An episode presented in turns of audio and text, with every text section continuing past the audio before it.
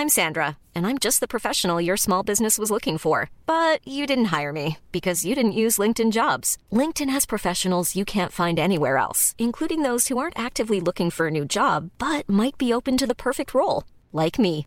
In a given month, over 70% of LinkedIn users don't visit other leading job sites. So if you're not looking on LinkedIn, you'll miss out on great candidates like Sandra. Start hiring professionals like a professional. Post your free job on linkedin.com/people today. Hey there, it's Michelle Norris. I'm host of a podcast called Your Mama's Kitchen. When I travel, I'm usually looking for a way to find a taste of home when I'm not at home. And one of the things I love to do when I am at home is entertain. And Airbnb allows me to do that. When I was in California recently, I rented a house that had a great kitchen. And when we were sitting around the table, we we're all thinking, we're in someone else's house. Someone could be in all of our homes as well. If you have a home, but you're not always at home, you have an Airbnb. Your home might be worth more than you think. Find out how much at airbnb.com/slash host. Mom deserves the best, and there's no better place to shop for Mother's Day than Whole Foods Market. They're your destination for unbeatable savings, from premium gifts to show-stopping flowers and irresistible desserts. Start by saving 33% with Prime on all body care and candles. Then get a 15-stem bunch of tulips for just $9.99 each with Prime. Round out Mom's menu with festive rosé, irresistible berry chantilly cake, and more special treats. Come celebrate Mother's Day at Whole Foods Market.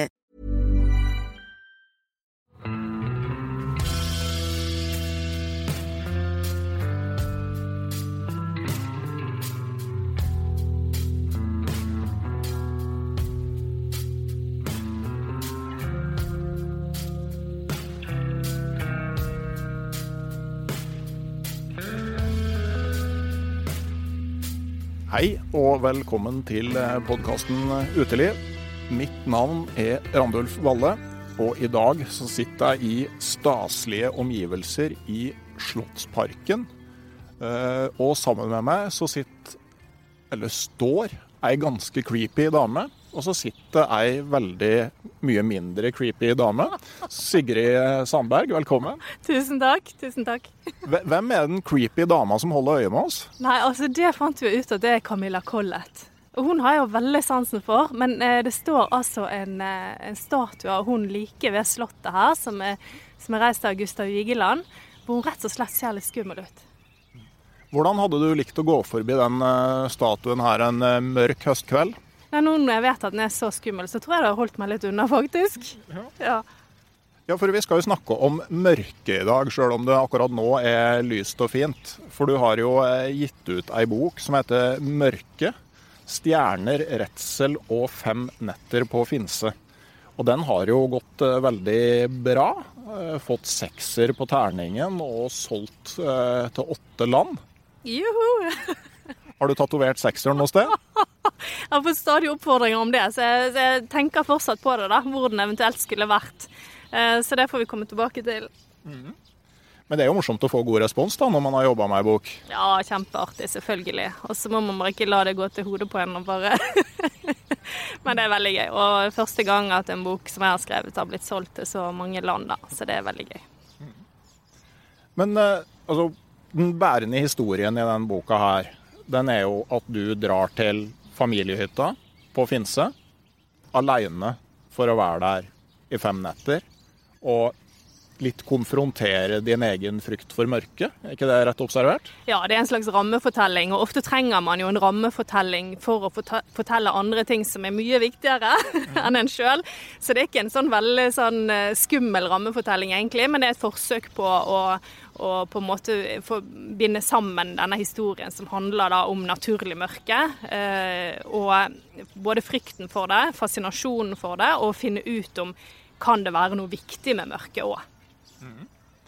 Ja, men la oss begynne med det med mørkeredsel. For når jeg leser boka, så virker det jo ikke som du egentlig hadde det så fryktelig koselig på Finse de fem-seks dagene her.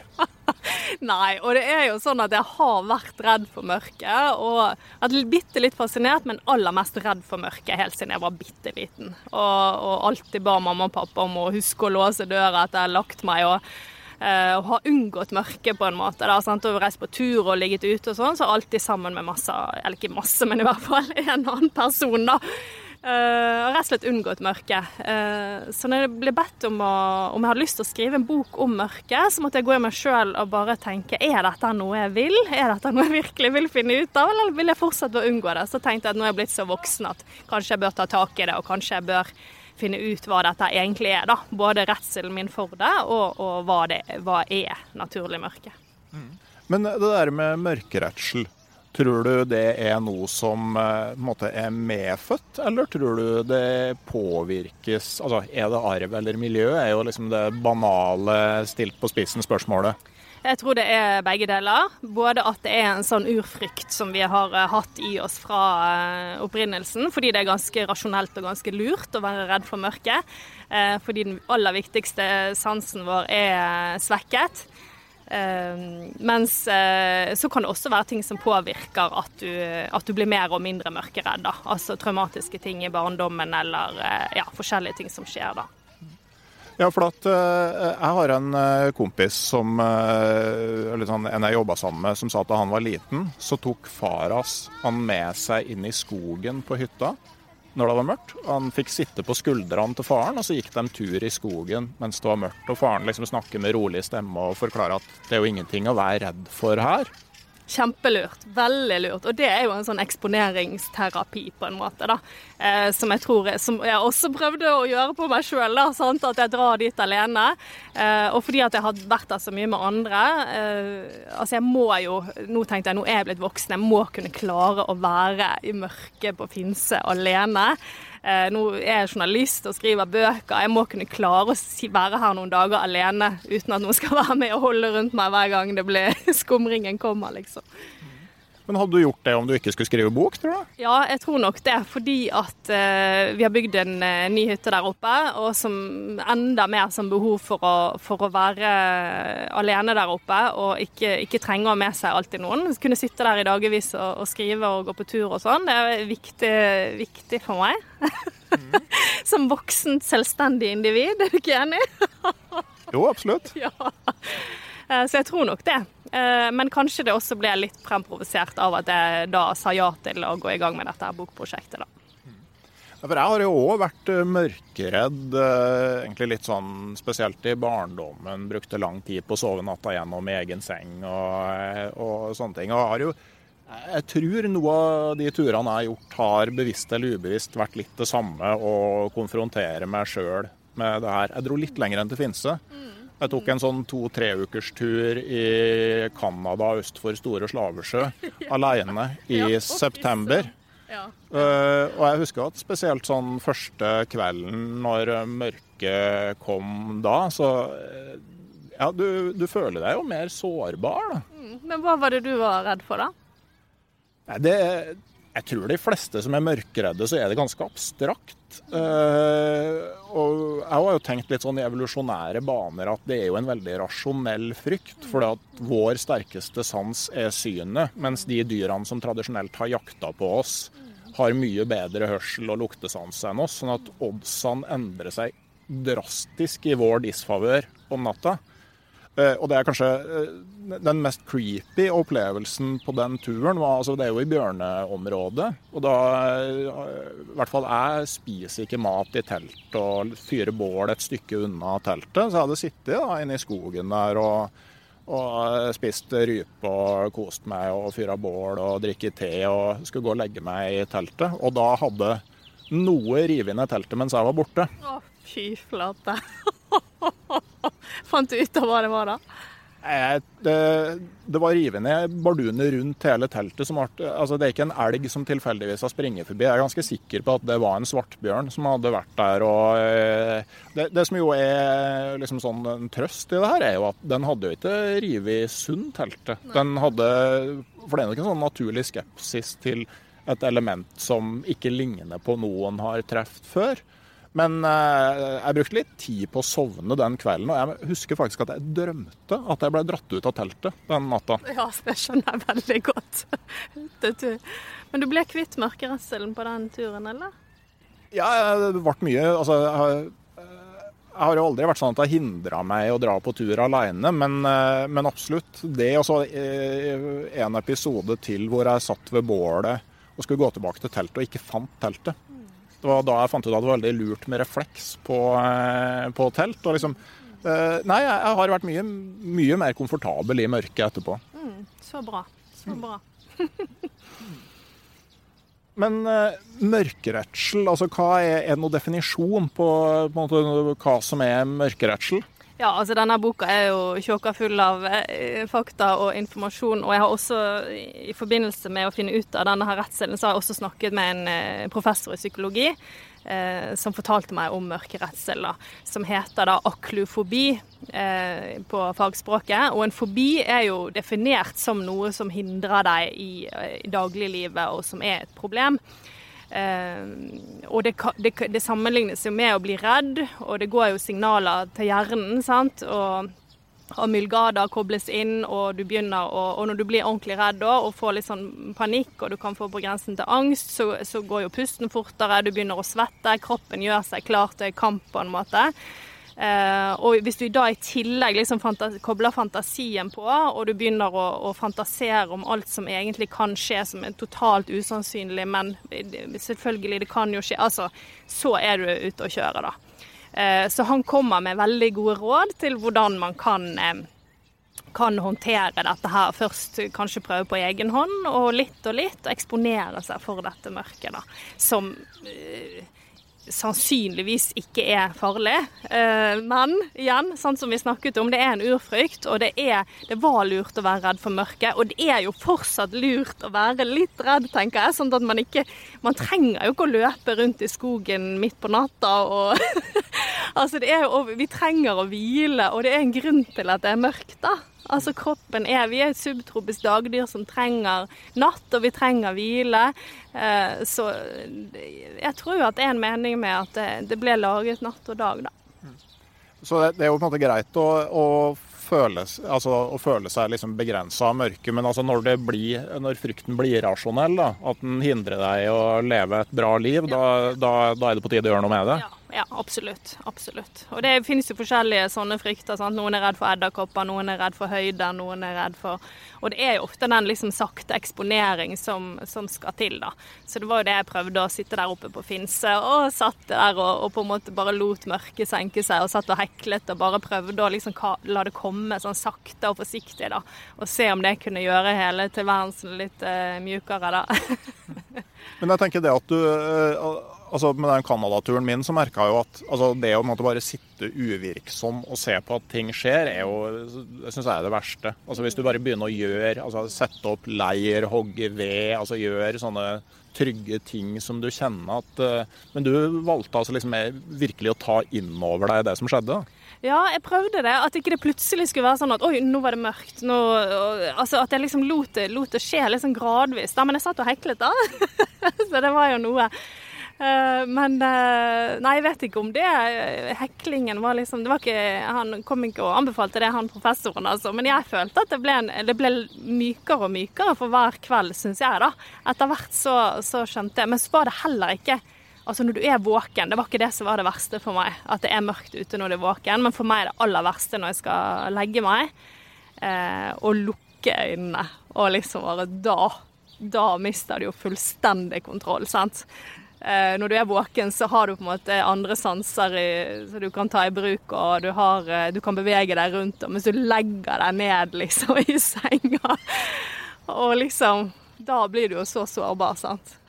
Ja, og så er det jo når kroppen slår på det alarmsystemet og pøser på med adrenalin og sånne ting, så er det jo ikke lettest i verden å sovne heller. Nei, det er ikke det. Så da skjønte jeg òg at dette handler så mye om liksom tankekontroll, og at du faktisk liksom tenker over hva du tenker. Da. At du er bevisst på dette er bare tanker, dette er fullstendig irrasjonelt, dette er ikke sannsynlig i det hele tatt. Og så hadde jeg fått noen gode råd fra andre kompiser som har bodd mye ute i skogen og, og vært mye ute på tur alene, da, som som snakker om at mørket beskytter deg. Sant? Og det er ikke mange andre som altså det, det, er jo en grunn til at det er, fredelig, og at det, det er ikke mange andre som beveger seg rundt her nå. Eh, at mørket er en venn du kan gjemme deg i. Masse sånne fine setninger da, som jeg prøvde å trøste meg litt med. da. Jeg prøver heller å eh, tenke eh, liksom, øyeblikk for øyeblikk på en eller annen tur jeg har vært på. eller noe sånt. Altså sånn eh, Siste turen sammen med eldstedattera eller noe sånt. Bare prøve å, det er noe jeg lærte av pappa da jeg var bitte liten. altså Prøve å huske alt vi gjorde i forrige sommerferie. og da, Du sovner jo lenge før du har kommet gjennom ferien. ja, det høres veldig bra ut. Det er mange gode sånne sovetriks. Jeg har jo også et sovetriks som jeg nevner i boka, som jeg også syns fungerer utrolig bra. Da. For, for meg så er det jo sånn ofte, i hvert fall i hverdagen, og sånn, sant? at du tenker på alt du skulle ha gjort. og skal gjøre i morgen, og, og, alt, og hvor du skal løse alle problemer med en gang du legger deg ned og skal prøve å få sove. Så da har jeg tre ord som jeg bruker. da, Bare drit i alt. du får ikke gjort en skit nå, liksom. Og da er det ofte at jeg sovner, altså. Faktisk. Jeg syns du skal skrive ei sånn sjølhjelpsbok som kan hete Ja, drit i alt. Et godt tips. og så kan det være egentlig bare blanke sider med at du åpner, så står det bare 'drit i alt' på første sida, og så er det hele boka. Ja, du gir den ut på ditt forlag da, kanskje? Jeg tenker noen må, noen må plukke opp den ideen her. Selvhjelpsboken du har tid til å lese. Ja, sant. Veldig bra. Veldig, veldig bra. Men uh, du snakker jo på at det er jo ingen som er ute i mørket. Men det er jo et par personer som har en litt sånn framtredende plass i boka di. Og en av dem var jo vitterlig mye ute i mørket. Terje Larsen, uh, som de fleste nok kjenner bedre som Vandreren. Det var jo noe som du sånn konkret bygde deg en fryktforestilling rundt? Ja, han har jeg vært redd for i mange år. Og det var egentlig før jeg visste så veldig mye om han. Så visste jeg bare at det var en fyr som drev og gikk rundt og, og brøt seg inn i hytter. Og, og, han gikk jo om natten, sant. Fordi at da var det ingen andre som, som var ute og, og, kunne ta han. I hvert fall ikke uten lys og lykter. Så han, eh, han snek seg jo rundt. Eh, og han var jeg veldig redd for. Eh, og sånn lignende typer, på en måte. Så det var det, måte det fantasien tok tak i. sant hva er det egentlig jeg er redd for nå? Satt jeg liksom og tenkte. Jeg er jo ikke redd for ville dyr, jeg er ikke redd for at det skal begynne å blåse, jeg er ikke redd for eh, Edderkopper var det ingen av på Finse. Jeg er redd for sånne uhøvlede menn som ikke har hatt det så bra i sitt liv, og som, som fyker rundt med øks. Nei, så det, det, var jeg redd for. Eh, men så leste jeg mer og mer om han da, i løpet av denne tiden jeg holdt på med boka. Så etter hvert så fikk jeg jo litt sånn sympati for han nå, da tenkte at han har utviklet ufattelig mange bra egenskaper. Han er jo sikkert bare litt ensom og, og ikke har hatt det så lett. Og, og, han beveger seg som et dyr, og denne friheten i å kunne bevege seg rundt. og Han har jo ikke hatt det bra, men allikevel så, så har han jo beskrevet for journalister eh, at det er en enorm frihet. Han følte at han, at han ikke var i naturen, men at han var selve naturen. da. Uh, og nå har det jo kommet en podkast om han faktisk, eh, med hans egen stemme, da, hvor de fikk snakket med han før han døde, for han døde jo og Den vil jeg virkelig anbefale til alle. Den er helt fantastisk. Vi kan legge ut link til den i episodebeskrivelsen. Eh, og eh, jeg noterte jo eh, at han da var dømt for 664 hytteinnbrudd. Jeg tenker jo at han burde jo ha klart å bli dømt til to til, da, bare for å la den mørkelinken bli enda mer framtredende. ja, jeg hørte i, den, i, de intervjuene jeg har lest og sett, og sånn, så, så var han jo Når han først ble tatt, så var han jo superærlig og ble jo kompis med masse av de der politifolka. Og han fikk jo sånn kart hvor han skulle ramme, eller si fra hvor han hadde gått og sånn. Og så sa han 'Hvor er den gule julehytten, så den brøt jeg meg også inn i. Sant? Hvorfor ikke den med på kartet? Så han var utrolig ærlig, da. Så, så eh, Men jeg tror ikke han var ond, altså. Det tror jeg ikke. Nei. Men er det liksom det der, eh, på en måte, som det menneskelige nattdyret at han har blitt med i, eh, i boka di? Ja, og litt sånn fordi jeg måtte prøve å forklare hva jeg var redd for. Så ble han litt sånn symbolet for det, da. Altså det der litt uberegnelige, litt, eh, kanskje litt sånn tilfeller. Eh, eh, rus. Ja. Ukontrollerbare ting, da. Og så er det en person til i boka som mer er sånn hardcore-versjonen av ditt Finse-prosjekt. Kristiane Ritter. Kan du fortelle litt om henne, og hvorfor du for hun følger jo, liksom, følger jo i boka hele veien. Ja, ja, en fantastisk dame. Uh, hun kom, kom, jo egentlig fra Bøhmen i Sentral-Europa, og så hadde hun en mann som var fangstmann på Svalbard. Og så ble hun bedt om å bli med han på fangst ett år, da, helt nord på Gråhuken. Og hun satt jo nede der i Europa og malte og, og hadde det fint med vennene sine og datteren sin. Så han måtte skrive flere brev, han er fangstmann, og kom til meg i nord, og da vil du skjønne dette eventyrlige land. og og hun var veldig skeptisk, men til slutt så, så pakket hun kamelhårsundertøyet sitt og malerpenslene sine og satte seg på en båt nordover. Og alle var jo helt forferdet. Og nei, du må ikke gå i land der. Og nei, det er ikke for sånn små dukker som deg, sa de til hun da. Og hun var jo heller ikke forberedt, så når hun kom liksom opp der det er jo, Gråhuken ligger øverst på Spitsbergen, og det er jo grått, sant. Det er tåke, det er regn, det er sommer, det er grått døgnet rundt. Og så ser hun den bitte lille hytta som hun skal bo i, som er på under ti kvadrat. Der skal hun bo sammen med sin mann og én fangstmann til. I et år, i 1934. Altså. De har ingen mulighet til å ta kontakt med folk. De har ingen mulighet til å bli reddet hvis det skulle skje noe. Og hun kommer der med hatt og kåpe. Og så spør hun ja, men hvor er mitt damekabinett som du har lovet meg i dine brev, sier hun til mannen da. og dette må de da bygge til hun etter hvert da, drivtømmer og sånn. Ovnen virker ikke, og hun innrømmer til og med første kvelden at hun ikke aner engang hvordan hun skal komme seg inn i en sovepose. Så hun skriver at det, at, eh, så de tok eh, kort og godt av meg hatt og kåpe, løftet meg inn i soveposen og rullet meg inn til veggen som en rullade. Men etter hvert så blir det bedre, da.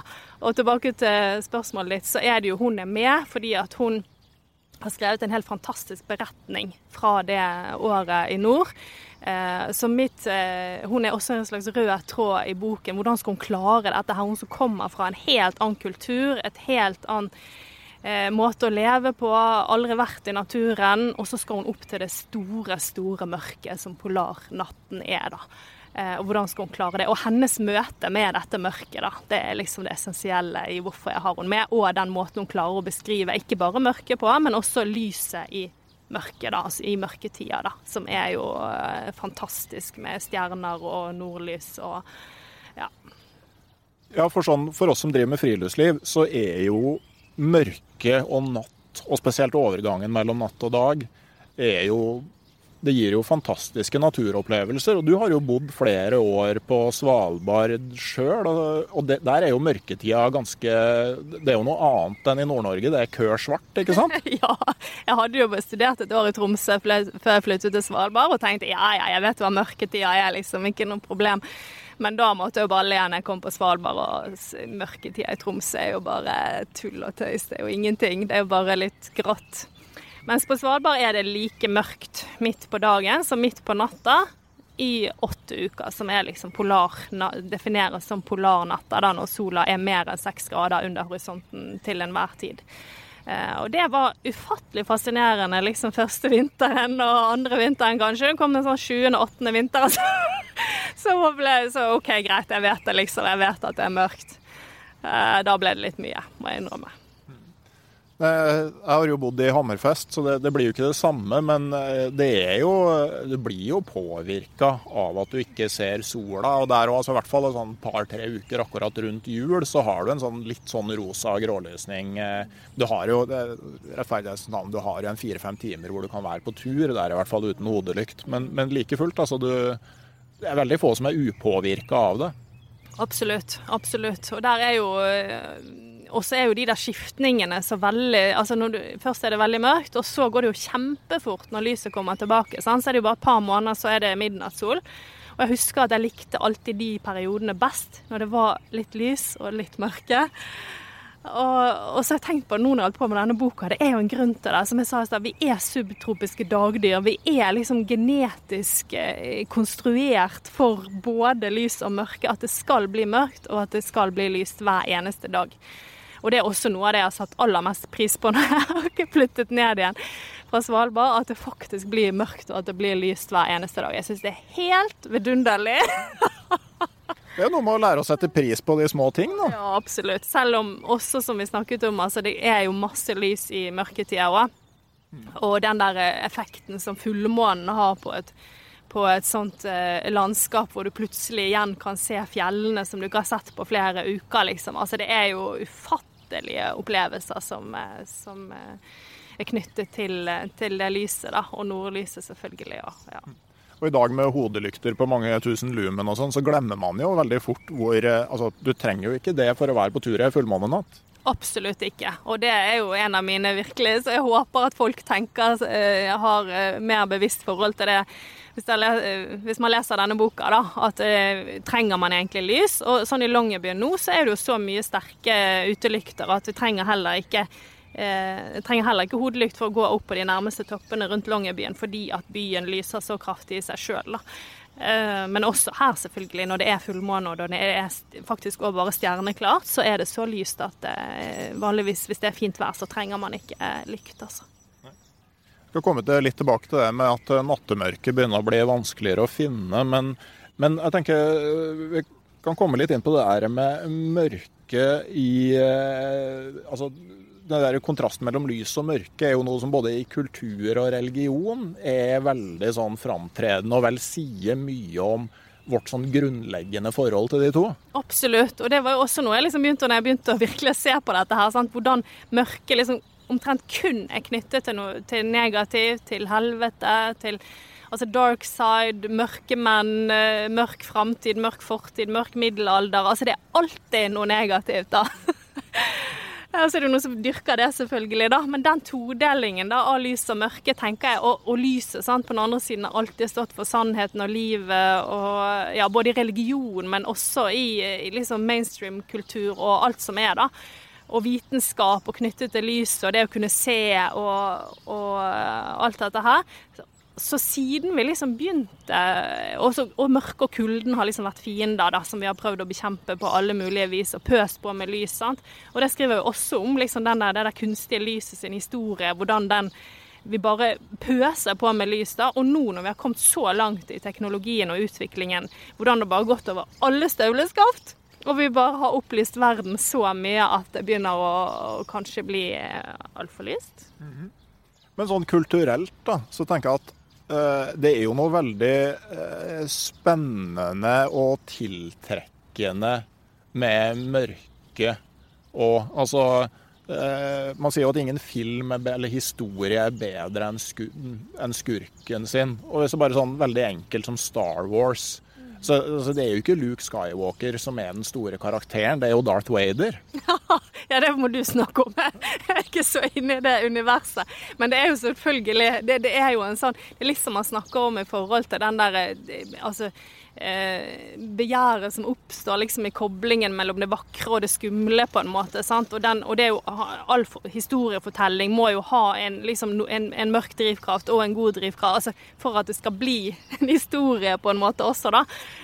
så jeg tenker at det handler om noe av det samme med det. At det er noe tiltrekkende med det. Også, også, men jeg ser, jo, jeg ser, jo, virkelig aldri altså så skrekkfilmer og, og, noe som i nærheten av noe thriller. Altså jeg holder meg altså så langt unna. Jeg syns det er helt forferdelig. Jeg har mer enn nok med min egen lille mørkredsel, liksom. Men du liker det kanskje? Jeg er ikke så veldig glad i skrekkfilmer, men jeg er jo altså, jeg, Spesielt når det gjelder musikk, så dykker, har jo jeg et nært forhold til sjangere som på en måte dyrker mørke. Og jeg har begynt å tenke på liksom sånne favorittplater og sånne ting. Så er det jo veldig mange av dem som faktisk har mørke i tittelen. Jeg så svensk black metal-band som heter Vatein som har en plate som heter 'Lawless Darkness'. Det syns jeg er en veldig ja. fin tittel.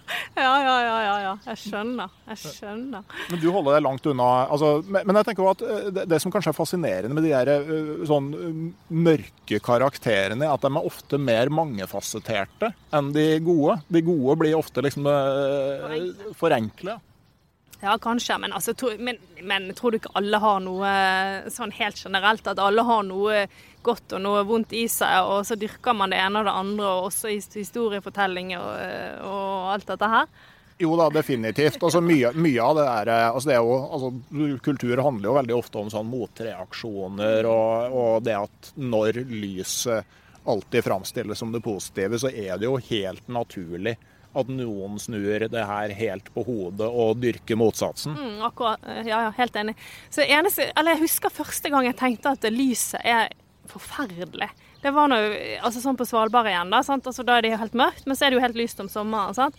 Og etter hvert når den der solen har sluttet å gå ned, når du kommer over midnattssola, så er det fint i begynnelsen, det blir litt farger og sånn, men etter hvert så blir jo bare sola en sånn hvit kule som snurrer opp på himmelen døgnet rundt. Og du kommer ut fra Dette var jo før, eh, før eh, unger og alt mulig, da. Så var på nattklubb på huset og tralala. Kommer du ut der liksom sånn litt eh, Litt ustødig, og midt på natta, og der har du jo dekket til alle vinduer, så det er jo mørkt inne. Så kommer du ut, så får du denne sola midt i fleisen der klokka ett-to, liksom. Helt forferdelig. Avslørende. Fæl. Grusom. da tenkte jeg liksom første gang det er ikke alt som er bra med lyset. Så både troll og nattklubbgjester på Svalbard sprekker når de ser sola? Absolutt! Da kommer alt frem. ja, og jeg må jo si, eh, da jeg bodde i Hammerfest, altså det var godt når sola kom tilbake etter mørketida, men det var mye bedre når det begynte å bli mørkt om natta ute i august. Ja, sant. Og det er jo det her jeg tenker òg, liksom, på den der, det der myke med mørket når det kan få senke seg, og at det, at det, er godt og at det er fredelig, og liksom alt det, alt det gode med mørket, da. Ja, og det er jo under press. Det skriver du en del om i, i boka. At det er ikke på langt nær så enkelt å finne mørket som det en gang var. Nei, eller det som er, er vel at vi har uh, ubevisst uh, bare pøst på med lys overalt, både ute og inne, og kanskje ikke vært helt klar over hva dette kunstige lyset gjør med med både oss, eh, kroppen vår, systemet vårt, eh, med dyr, med planter, med alt som lever. Mens vi etter hvert nå begynner å finne ut at det, eh, Og det er litt sånn typisk mennesker, på en måte. Sant? At vi bare Ja, dette er bra, og så pøser vi på. Og så etter hvert så Oi, nei, kanskje ikke det var så, ikke det var så bra og så lurt allikevel. Så det er jo mye forskning som, som pågår på, på, disse her områdene nå, og som jeg bare har lært ufattelig mye av med å skrive denne her boka her, da. Og spesielt dette her var hvordan eh, dette kunstige lyset påvirker eh, vår kropp, da. Ja, kan du si noe om det? Ja, jeg kan jo det. Eh, og det som forskerne på en måte er redd for, er jo at, at eh, spesielt på vinteren, altså når det er mørkt ellers, så har på en måte, altså kroppen har, og øynene har en unik evne til å tilpasse seg liksom de naturlige svingningene da, i, eh, i, sesonger og når det går sakte, at det blir litt lysere for hver dag. og så, så, så trenger man, og Det er et sånt mørkehormon som heter melatonin, som man trenger for å få sove. Og vi trenger ikke så mye av det om sommeren når det ellers er lyst, som vi trenger om vinteren. Så det, det er på en måte en sånn naturlig rytme vi har da. Men så når vi får så mye kunstig lys eh, på kvelden når det ellers er mørkt på vinteren og høsten og, og tidlig vår, og har lys både inne og ute og skjermer og eh, så forstyrrer det denne rytmen. For Spesielt dette LED-lyset, da, som, som, det har kommet enormt mye av etter glødelampen ble forbudt. Og dette her LED-lyset er i både skjermer og mobiltelefoner, datamaskiner og alt mulig så er det Det har en sånn frekvens og en sånn temperatur som, som, gjør at det går rett inn via noen sensorer i øyet, rett inn i hjernen vår og sier at nå er det dag. Og da stopper den produksjonen av det uh, mørke hormonet melatonin. da. Og da er det mange som får trøbbel med å sove, og, uh, og de forsker jo nå på dette intenst. Da har det noe å si for disse ungdommene som sover mye mindre, som er, er mer uh, psykisk ustabile, som henger alt dette sammen, da. Og så er det en del forskere som også har prøvd å ta i bruk mørketerapi, bl.a. Med, med bruk av en oransje briller som blokkerer det blå lyset da, eh, på personer med insomni og personer med eh, maniske personer, og som på en måte prøver å justere døgnrytmen. da i forhold til sånn som egentlig mennesket på en måte genetisk er konstruert. Da. Og som får helt fantastiske resultater, som jeg syns er utrolig spennende. Jeg leste vel òg noe om at uh, rett og slett det å dra på tur uh, hadde veldig uh, god effekt på, på, søvnforstyrrelser. Og det handler jo sikkert òg om at da følger du naturlig døgnrytme, ikke et eller annet konstruert? Absolutt, absolutt. Og det er jo sant, og man trenger ikke bruke oransje briller. Man kan slå av lyset, man kan dra ut av byen. Og det er jo altså i byer, sant, det er jo der det er spesielt stort problem. Altså da er det jo lyst med gatelykter og overalt, sant. Og og i forhold til sånn naturperspektiv òg. Altså nå snakker vi om at mer, mer enn to tredjedeler av Norges befolkning ikke kan se Melkeveien, som er vår egen galakse. Liksom, og det, og, det, er jo fordi at det er så mange som bor i by. Ja, Men samtidig, det hjelper jo ikke om du eh, drar ut av byen hvis du da ligger og leser eh, nyheter på mobilen og sjekker mail og sånn. Det siste du gjør før du legger deg til å sove? Absolutt ikke. Eh, men det hjelper hvis du skrur av den og går ut av teltet og ser opp på himmelen og er i hvert fall minst 20 mil fra Oslo. Nei, men jeg tenker jo litt sånn bakover. Og, altså, far min er født i 1940. Han bodde litt sånn grisgrendte strøk på Vestlandet og huska at de fikk strøm, jeg tror det var i 1952. Eh, og før det så hadde jo de Han har jo vokst opp med skumringstime. Altså den tida fra det var for mørkt til å egentlig gjøre noe sånn håndarbeid inne. Men det var ikke mørkt nok til at du hadde råd til å tenne oljelampa enda. Og du skriver vel i boka noe om at øh, gjennomsnittlig søvnmengde ble redusert med 1 12 time da glødlampa kom? Mm, absolutt. For da kunne vi være oppe og fortsette å jobbe og fortsette å holde på. For, da, da, for før så var det jo det var dyrt. Sant? Det var dyrt å ha oljelamper, det var dyrt å ha Og elektrisiteten òg var jo veldig dyr eh, i begynnelsen. Sant? Så, det, så det var Det å ha lys, det var for rikfolk, på en måte, da.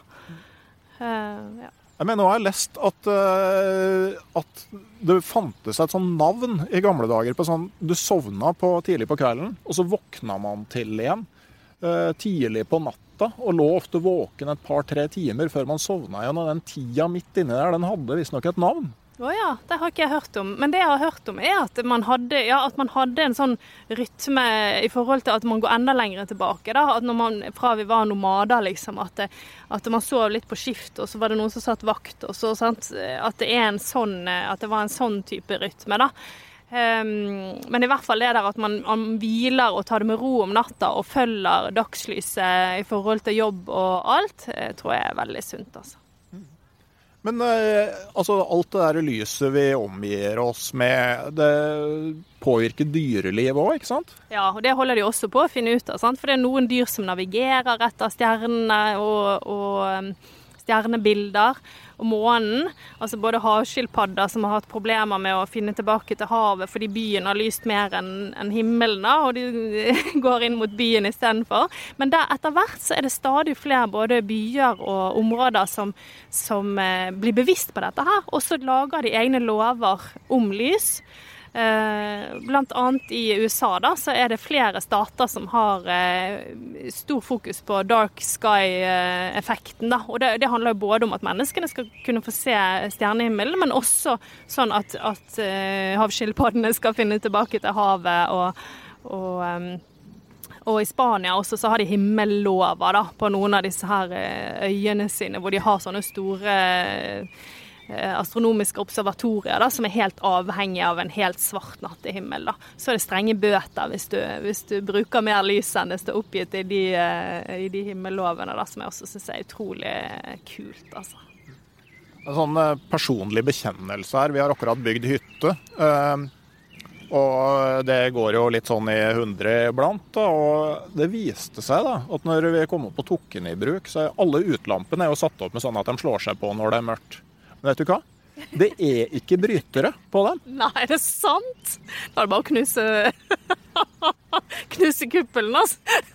Ja, det, det, var sånn lett sjokkert. Begynner, men, men, det må jo være en Det er ikke bryter til å utlyse. Så de står til og med på eh, når dere ikke er der? Eh, nå tror jeg nok pærene blir skrudd ut. Men det tar jo det sånn, du, du, altså, Først så var det Men, men det, du ser jo det i veldig mange sånne hyttelandsbyer. At uh, lyset står på sjøl når folk ikke er, er der. Og det er ja, det, det, sier jo noe, da. Når det, liksom, når, man, når det ikke er sjølsagt. Det var ikke noe jeg engang tenkte å spørre elektrikerfirmaet om, det, om det gikk an å slå av utlyset.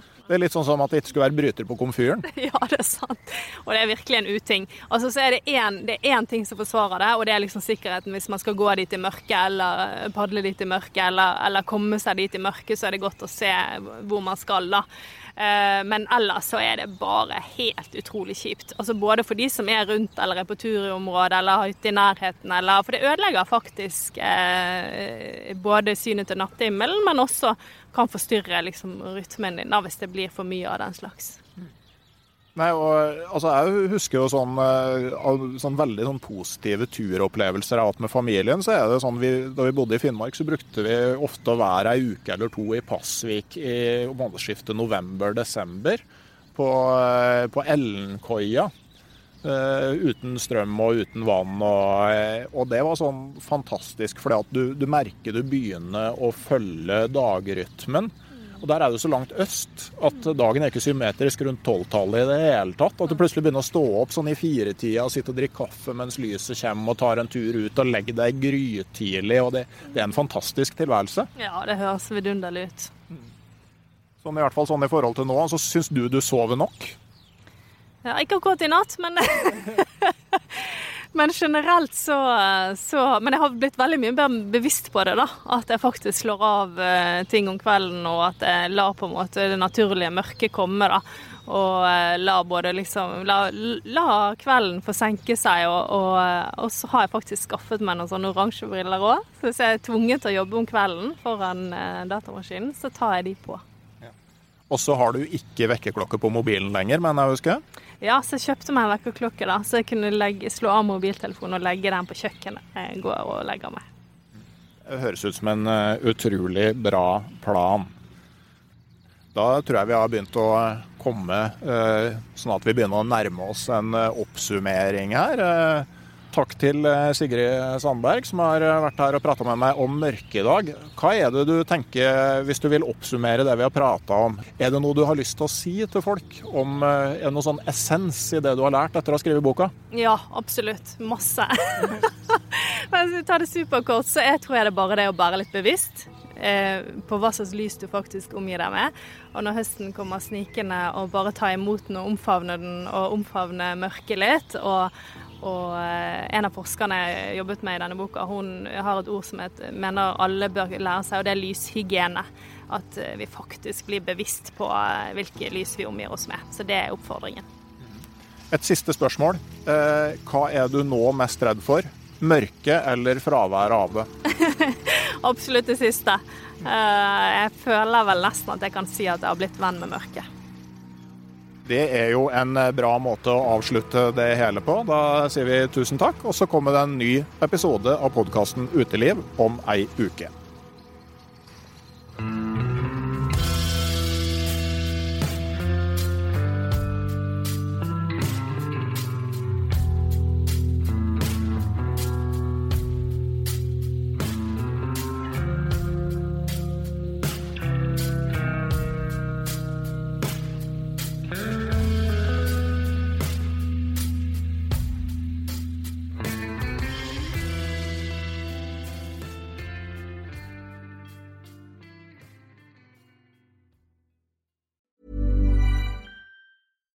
Deserves the best, and there's no better place to shop for Mother's Day than Whole Foods Market. They're your destination for unbeatable savings, from premium gifts to show-stopping flowers and irresistible desserts. Start by saving 33% with Prime on all body care and candles. Then get a 15-stem bunch of tulips for just $9.99 each with Prime. Round out Mom's menu with festive rosé, irresistible berry chantilly cake, and more special treats. Come celebrate Mother's Day at Whole Foods Market.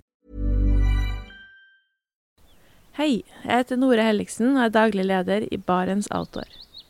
Det beste vi kan gjøre for planeten, er å redusere forbruket vårt og få mer ut av det utstyret vi allerede har. Men vi vet av erfaring at bruken av telt kan endre seg over tid.